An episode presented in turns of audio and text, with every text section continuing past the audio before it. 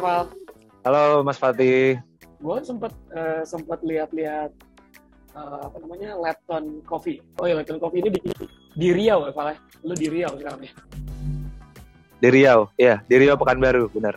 Oh iya, oh iya. Ini gue mau nanya, uh, bisa lu ceritain dulu gak? Ini kan gue gue riset riset Lepton Coffee itu uh, visualnya bagus gitu kan terusnya Instagramnya oke okay, gitu.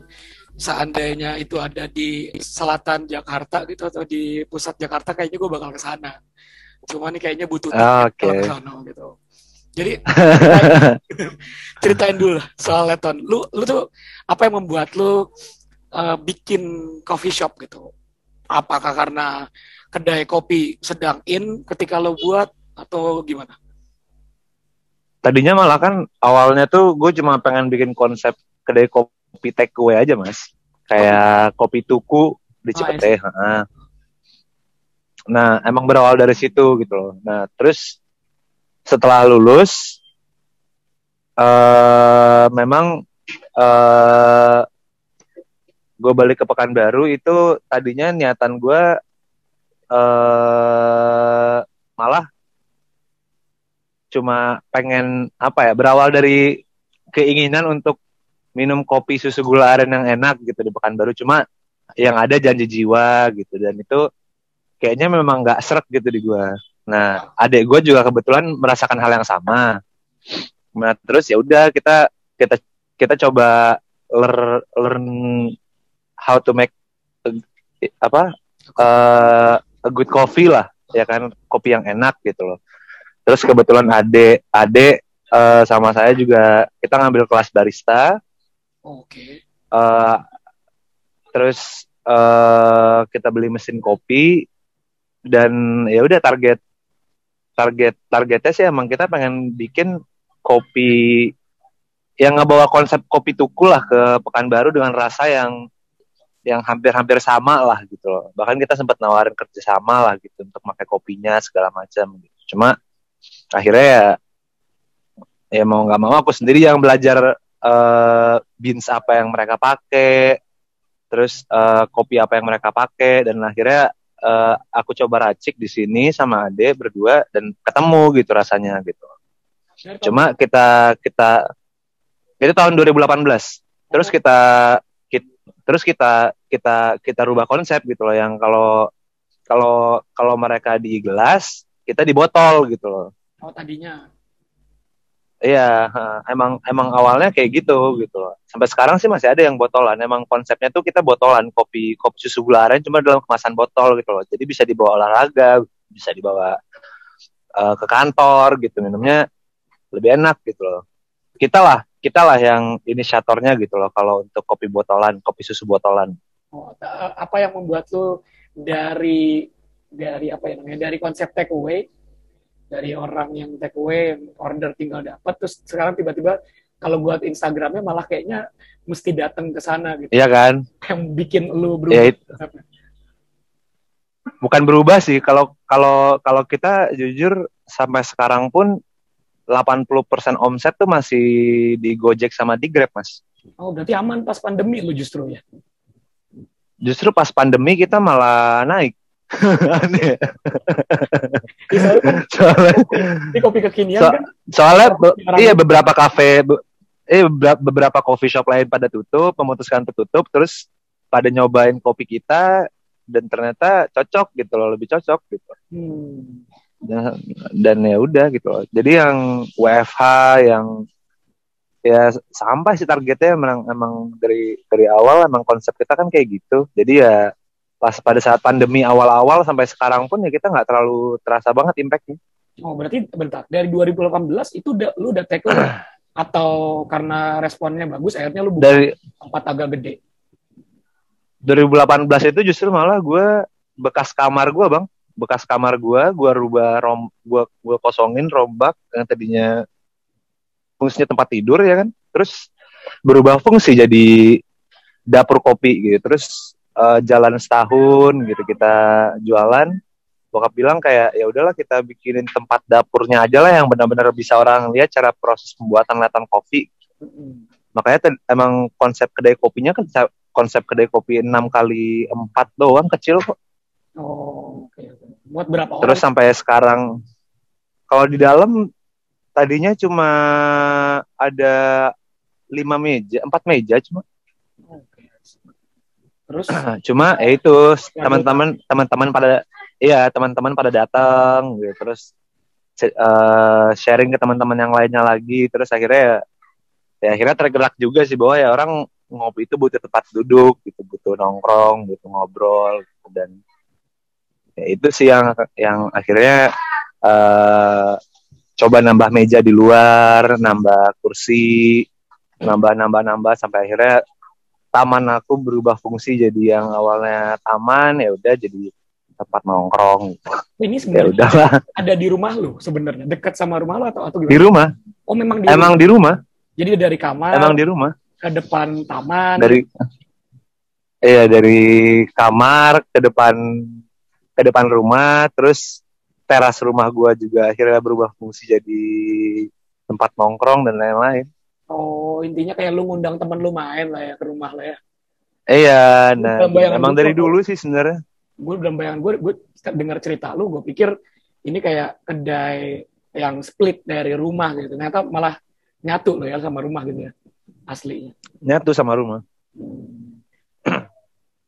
Kan gue gue kenal lu sebagai orang yang easy going ya. Maksudnya lu lu gampang ngobrol gitu sama orang gitu. Nah, Dari- jauh iya itu impact ke Silaton Coffee Shop-nya?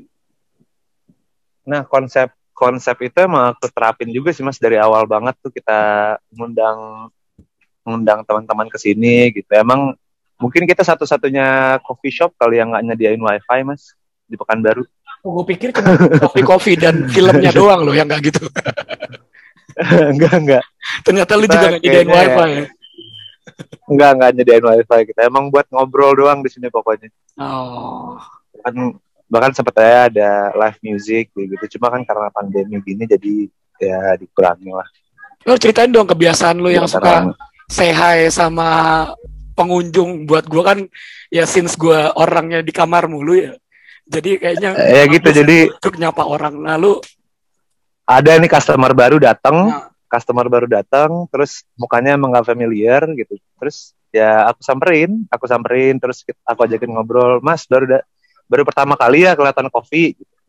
terus eh aku tanyain gitu ya biasanya sih di sini eh, kita eh lebih lebih intim gitu ngobrolnya gitu ketimbang ketimbang megang handphone gitu. Nah kenapa aku bikin Laton Coffee kenapa kenapa ada Laton Coffee itu bukan kenapa namanya Laton Coffee itu juga bukan cuma karena dekat dengan jembatan Leton yang terkenal di baru ini tapi ya karena ada persamaan gitu an- persamaan filosofi antara kopi sama jembatan.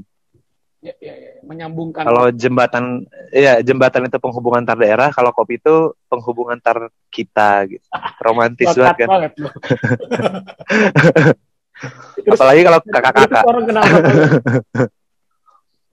hampir lah Terus kan lu sempat cuma in and out tuh eh, ke Jakarta kuliah dan ini ini lu bikin semasa lu masih kuliah berarti kan? setelah Atau- lulus Oh setelah lulus, setelah lulus lu bikin coffee shop. setelah lulus Nah. iya Terus lu kan sempat justru setelah lulus kan aku masuk masuk ya apa namanya eh setelah lulus kan aku di setelah lulus pokoknya sebenarnya sih ketertarikan bikin coffee shop ini tuh dari semester 5 sih aku sebenarnya tertarik. Udah mulai nongkrong tuh kayak di Starbucks gitu-gitu pengen terus ke kedai kopi beberapa coffee shop lain lah di Jakarta. Cuma memang eh keinginan untuk bikin kedai kopi itu bertumbuh tuh karena itu sih. Ada beberapa teman temanku yang emang eh, ngerintis kedai kopi gitu loh di Jakarta. Dan dan tertarik sih untuk bikin kedai kopi. Cuma cuma aku pengen bikin kedai kopi yang ya unik aja gitu. So far uniknya selain karena ownernya lu ya, yang gampang banget ngeblend sama apalagi bang? Enggak lah. Nah itu dia. Jadi sebenarnya nggak unik sih. Kan kayak mungkin lo pernah dengar ini mas. D- Dunkin Donut ya Ya. kan Nah itu jadi kita ada yang spesial di sini itu donatnya, donat kentang. Oke. Okay. Nah kalau Dunkin Donat kan donat donat modern kan, donat ah. modern emang donat sama kopi, coklat gitu-gitu. Nah kita juga pakai konsep yang sama gitu loh, donat donat and kopi gitu. Cuma donat kita tuh donat kampung gitu mas. Donat kampung? Gimana donat iya, kampung? donat kentang. Oke. Okay. Donat donat donat kentang lah, donat uh, adonan adonan donat itu pakai kentang. Hmm. Terus memang jadi ya makan donat kayak makan kentang gitu loh, kentang goreng gimana sih? Okay. Jadi di luarnya crispy, dalamnya lembut lembut adonan donat gitu tepung. Nah itu dipaduin sama donat gitu. Nah itu yang itu cocok ketemu yang kopinya gitu lah ya. Kalau dibilang cocok sih cocok banget sih soalnya ya sampai sampai sekarang sih alhamdulillah sih kita juga nggak nyangka sih bahkan orang jadi taunya tuh ya donat ada donat leton, ada kopi ada kopi leton gitu. Oh. Uh, uh, jadi kenapa bikin ada, coffee shop? Ada, apa ya? Kenapa? Itu sih yang dari, gitu. dari dulu pengen gue tanyain sih. Lu kan banyak banyak cerita soal coffee shop lo yang kayak ya kalau dari cerita lo asik hmm. gitu. Cuma ya jarak sih kan. Tapi someday gue bakal yeah, yeah, yeah. kenapa pilihannya adalah coffee shop gitu. Apa ya? Kalau kalau ngikutin Ade sih tadinya Ade itu malah pengennya dia bisnis ayam. Terus dan aku support gitu loh. Cuma cuma aku bilang kayak yang uh, coffee shop ini bakal bakal apa ya? Satu hal yang mungkin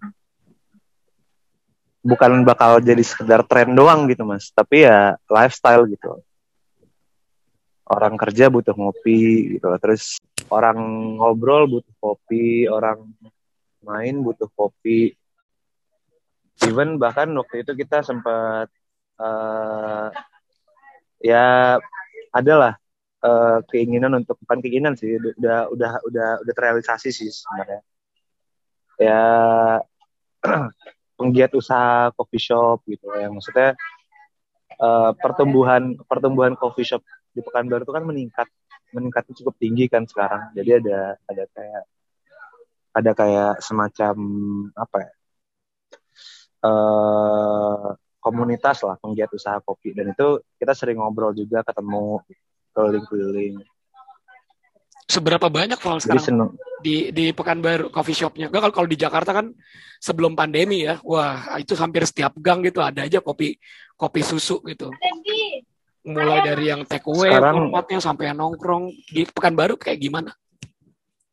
Sebulan terakhir ini ada 30 coffee shop yang yang baru jadi.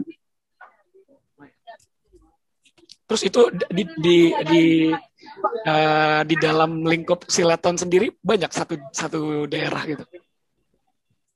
Ada berapa ya? Ada ada lumayan banyak lah, cuma ya itu lagi sih memang uh, plus minusnya kan. Jadi eh banyak banget sih mas. Banyak banget cuma kalau di sekitaran Leton memang ada ada lumayan banyak ada lumayan banyak. Ada tiga atau empat gitu gue kan kalau kalau ngelihat ngelihat Leton nih kan uh, walaupun gue belum nyobain ya produknya tapi kan uh, eh, gue banyak ketemu sama lo gitu kan lo dan lo ya itu gue ngeliatnya core-nya kan banyak banyak di lo dengan dengan kemampuan lo ngobrol engaging sama orang ketemu sama orang terus gitu Nah, meanwhile lu sempat in and out ngurusin Leton nih, sempat sempat liburan lah. Sempat liburan ke Jakarta, terus balik-balik lagi. Itu ada yeah. yang beda gak dengan tidak adanya lu sebagai ownernya? Uh, kalau kalau yang running sih sebenarnya mas ya uh, kita tuh kan memang ada adik, ada papa, ada mama sekarang gitu. Jadi memang kegiatan uh, untuk yang mengisi kegiatan di Lapan Coffee itu dari aku nggak ada gitu di backup sama papa mama nggak ada di backup sama adik jadi memang uh, ya saling ngisi sih mas. Gitu. hmm. terus da, eh, gimana pak? Uh, nger, uh, lu punya bisnis yang dimulai dari lu terus sekarang kemudian berkembangnya justru kalau gue ngeliatnya ke arah bisnis keluarga gitu. Karena involve semua ya kan? Karena anggota keluarga lo kayaknya. Iya. Bokap ada adik lu. Itu gimana? Iya ya, senang sih. Eh, ngeli ngeliat. Malah senang banget sih mas. Kalau aku sih ngeliatnya kayak gini kayak papa kan kemarin pensiun terus nggak ada kegiatan ya kan?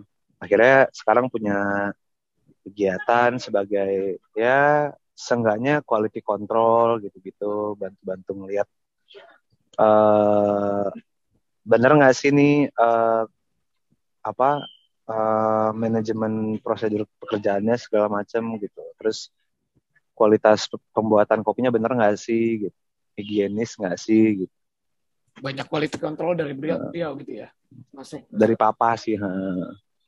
bahkan bahkan sekarang untuk yang eh, relasi tentang eh, re- relasi beliau soal donat kentangnya itu eh, dunia perkopian ya dunia kalau itu nyokap sih kalau kata Oh. tentang berarti literally semuanya ya sekarang nih Iya. join gitu lo ah, perintisnya benar semuanya. Oh jadi bisnis keluarga. Iya benar soalnya ya ta- tadinya kan sebenarnya donat kentang itu kan sebenarnya idenya kan emang mah daripada ini nganggur nggak ngapa-ngapain kan cobalah bikin donat kentang gitu. Yang dulu mama sering bikin pas zaman novel masih SD sama Eca gitu-gitu. Eh dari iseng taunya iseng banget sekarang. Semua orang 600 ngerasain box makanan lo berapa? Sorry. Enam- 600 box. Oh, lumayan. Cakep. 600 box itu satu boxnya isinya 6 hmm. berarti sekitar 3.500 stok 3.500 piece. Sehari. Canggih. ya kan? Ya, maksudnya jadi kayak gitu lah maksudnya yang yang gue seneng sih akhirnya nyokap kebantu banget sama kita kayak ngerekrut nge-hire tetangga-tetangga sekitar di belakang rumah terus eh ya banyak lah dampak positif yang yang bisa dihasilkan gitu loh dari ini. dan itu senang banget sih. Ini kalau kalau lu ngeliat Kita bisa- sekarang si Leton Coffee-nya ini sudah bergerak sejauh apa Val? Dari 2018 dari tadinya di kamar lo gitu kan, terus keluar masuk taman lo, sekarang pekarangan lo, terus sekarang udah ke tetangga-tetangga lo gitu. Lu ngeliat si Leton Iya. gimana? eh ya pertama sih nggak nyangka maksudnya kayak eh udah selama baru hanya selama dua tahun gitu loh. Kita udah bisa punya pegawai sekitar 27 Oke. terus eh itu yang yang bantu mama. Ada maksudnya ada ada beberapa orang lah gitu tangga-tangga Eh, 27 itu termasuk banyak, termasuk sedikit sih kalau coffee shop? Ukurannya.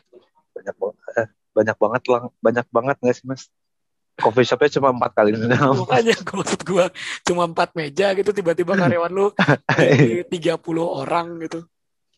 Iya kan, maksudnya untuk bikin donat tuh kan butuh tenaga banyak kan. Iya, maksudnya ya ya alhamdulillah mas. Terus uh, Ya, studi banyak perminyakan lu, makanya. studi perminyakan lu tidak dilanjutkan gitu.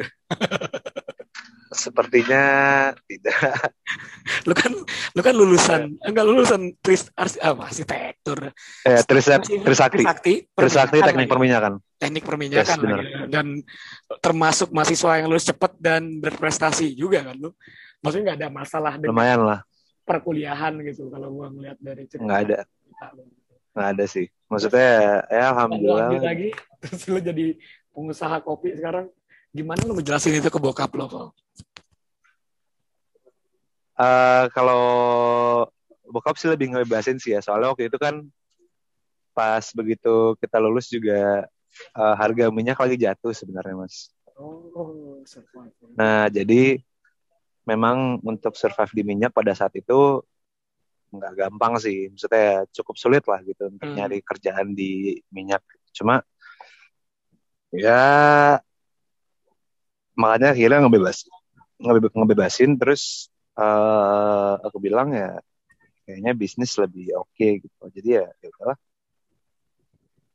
setelah bokap juga ngeliat gitu loh ya cukup cukup oke okay, ya makanya untuk untuk bertanya lagi apakah ada ketertarikan untuk melanjutin atau mau kerja nyari kerja di minyak kayaknya nggak ada gitu.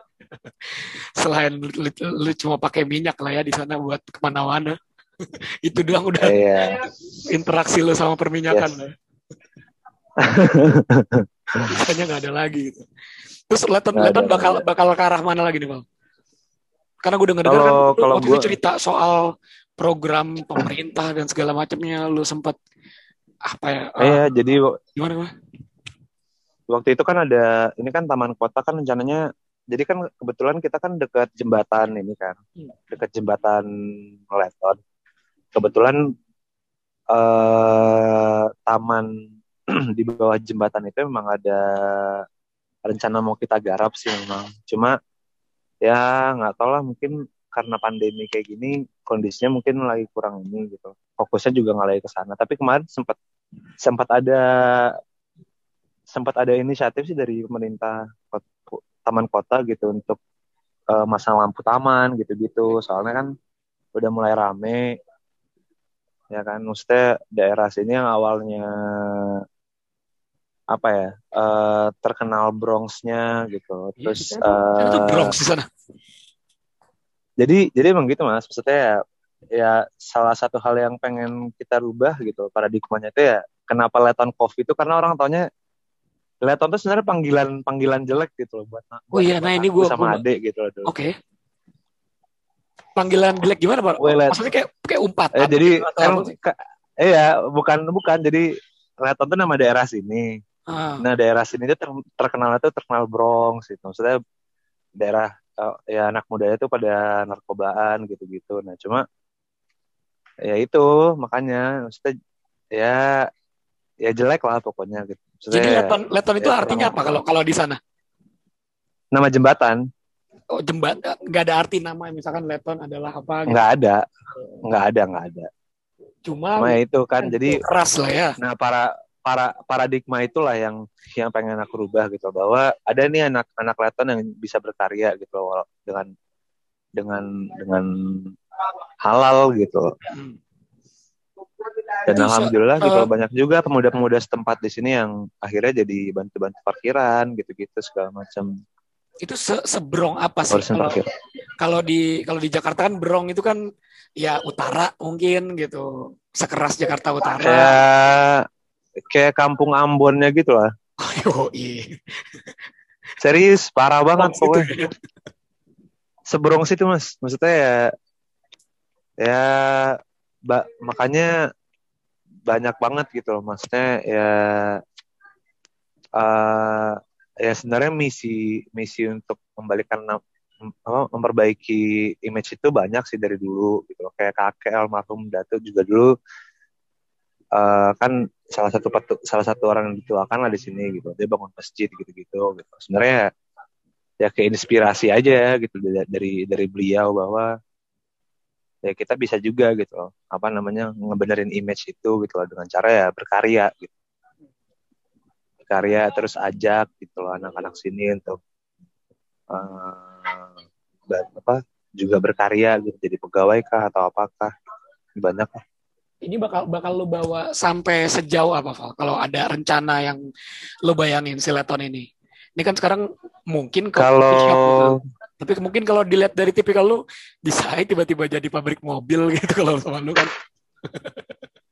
kalau dari gue sih kayaknya fokusnya bakal ke kopi aja sih bang. Hmm. Maksudnya kopi, kopi ya karena uh, sejauh ini sih yang masih jadi kendala tuh penumpukan masa bukan masa sih ya uh, inilah driver Gojek di sini lah yang ngantri gitu. Okay. Sejauh ini sih masalahnya orang kayak ngantri apa Grab driver Grab, driver Gojek itu ngantri itu bisa sampai satu setengah jam lebih gitu, satu jam sampai satu setengah jam. Dan itu kan udah nggak efisien. Hmm. Jadi rencananya paling aku mau bikin cabang gitu loh di beberapa titik lah di Pekanbaru gitu loh yang mungkin ada yang mesen di Pekanbaru Selatan, Pekanbaru Utara, Pekanbaru Timur. Itu sih rencananya paling dalam dalam jangka dekatnya mau bikin itu dulu. Kalau lu lagi Kalau ke cabang gitu ya. Iya, dan emang ada beberapa teman sih maksudnya yang udah beberapa kali nanya dan dan udah sempat aku discuss juga ke keluarga eh, soal eh, franchise paling itu yang masih lagi aku coba formulasikan lah untuk baga- bagaimana enaknya franchise itu. Ini berarti sekarang kan dengan PSBB, kayak sekarang kan biasanya nih kalau gua ngopi di Jakarta, dia buka jam, I don't know, jam 9 pagi gitu kan. Kalau nggak salah tutupnya bisa jam 8-an gitu. Nah, Hmm, hmm. Silaton gimana nih? Ada perubahan se- semenjak PSBB ini? nggak ada nggak ada jadi Gojek ya numpuk gitu ya, terus tetap banyak orang nongkrong Iya. juga gitu. iya makanya cuma ya kita tetap protokol maksudnya Hmm. meja tetap di jarak gitu gitu cuma maksudnya kayak kita kan zonanya masih zona hijau sih mas Iya, alhamdulillah iya, iya, iya. zona maksudnya untuk untuk untuk kecamatan kita gitu kebetulan masih di zona hijau gitu. ya itu juga sih yang jadi Si, Ya, si Gojek itu lah. bisa berapa banyak Bang, kalau biasanya hari-hari numpuk itu ngantri dengan satu jam setengah itu biasanya numpuk numpuk berapa banyak? bisa 20 30-an mas ngantri Gokil ya. Iya.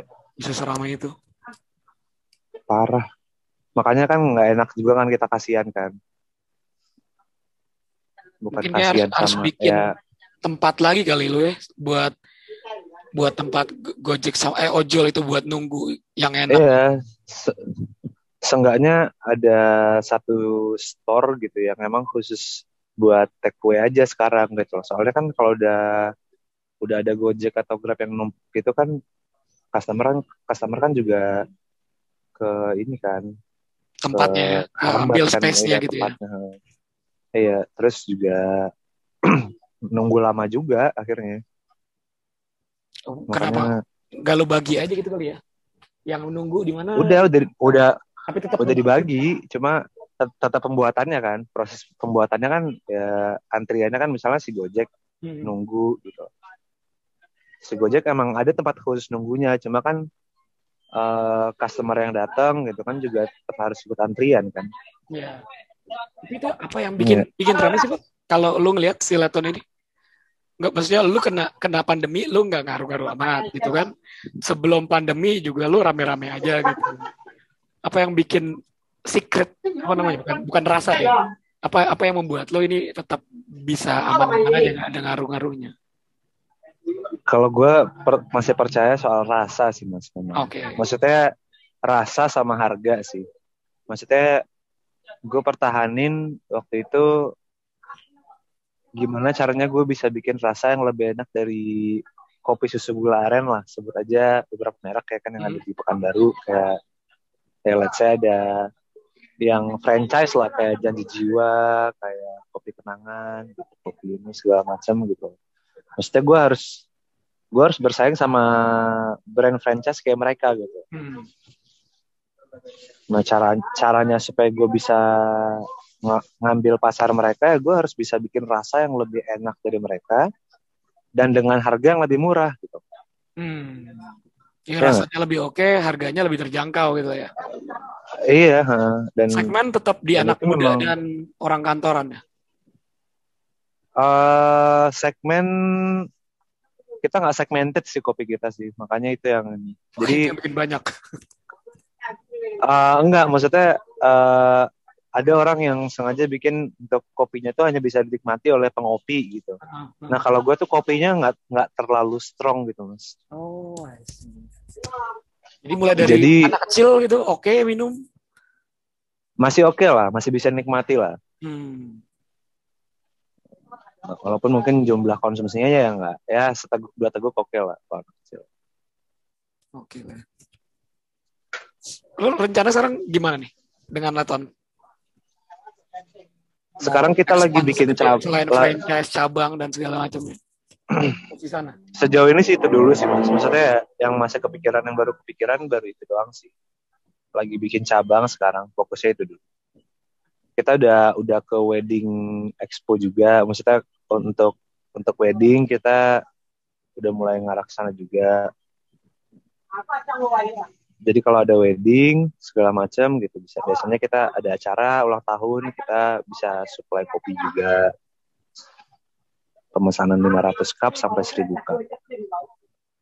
Uh, selain rasa ada lagi uh, kayak gimana sih cabangnya si Leton yang kebayang sama lu? Gimana mas? Cabangnya si Leton Coffee ini lu bakal bakal bikin sama kayak aslinya. Ini kan datang dari dari rumah lu ya, dari kamar lu gitu, dari kamar anak muda yeah. gitu. Nah kalau dia cabang dia kan biasanya bakal harus ada pola standarisasi tertentu gitu. Itu gimana? Kalau yang sekarang sih kayaknya nggak terlalu ngambil pusing sih mas. Maksudnya ya fokusnya cuma ke mecah masa aja sih. Oh, Emang mecah masa Gojek aja. Ya jadi ya ya fokusnya kan juga buat kenyamanan dari uh, customer dan teman-teman di sini teman-teman Latan juga jadi ya ya udahlah gitu sekarang uh, pokoknya dibagi dulu masanya gitu untuk yang Gojek. Pecah pecah masanya atau yang take away sendiri terusnya ya, sendiri gitu. gitu ya. Di sini mungkin tetap ada take away gitu. Cuma maksudnya untuk untuk Pekanbaru kota uh, Pekanbaru kota gitu mungkin bisa fokus ke order ya kelihatan dari sana gitu. Kenapa lu nggak beli Soalnya mobil aja, Fah? Jadi kayak ini loh food truck food truck gitu loh. Pekan oh, berapa? Iya, iya. Pekan baru ada berapa? Ada empat, ada tiga. Selatan, barat, dan Apanya? letak-letaknya gitu. Enggak sih, enggak sih, enggak sih. Cuma pekan baru kota aja sih. Kayaknya kalau pakai mobil kayak food truck itu lebih oke okay deh. Lo kayak stay di mana kayak, gitu. Terus boleh sih, tapi udah ada sih, udah ya sih, udah ada sih. Enggak kan, tapi, tapi kan tapi mungkin bisa menang akan, mulu. coba lah. Lu kan kayak, ya, ya, maksudnya ya. konsep lu menang gitu kan uh, eh, yeah. lo bisa bikin sesuatu lebih baik gitu. Mungkin kalau lo buka food truck, pegangan lo gitu, buatan lo jadi lebih baik juga.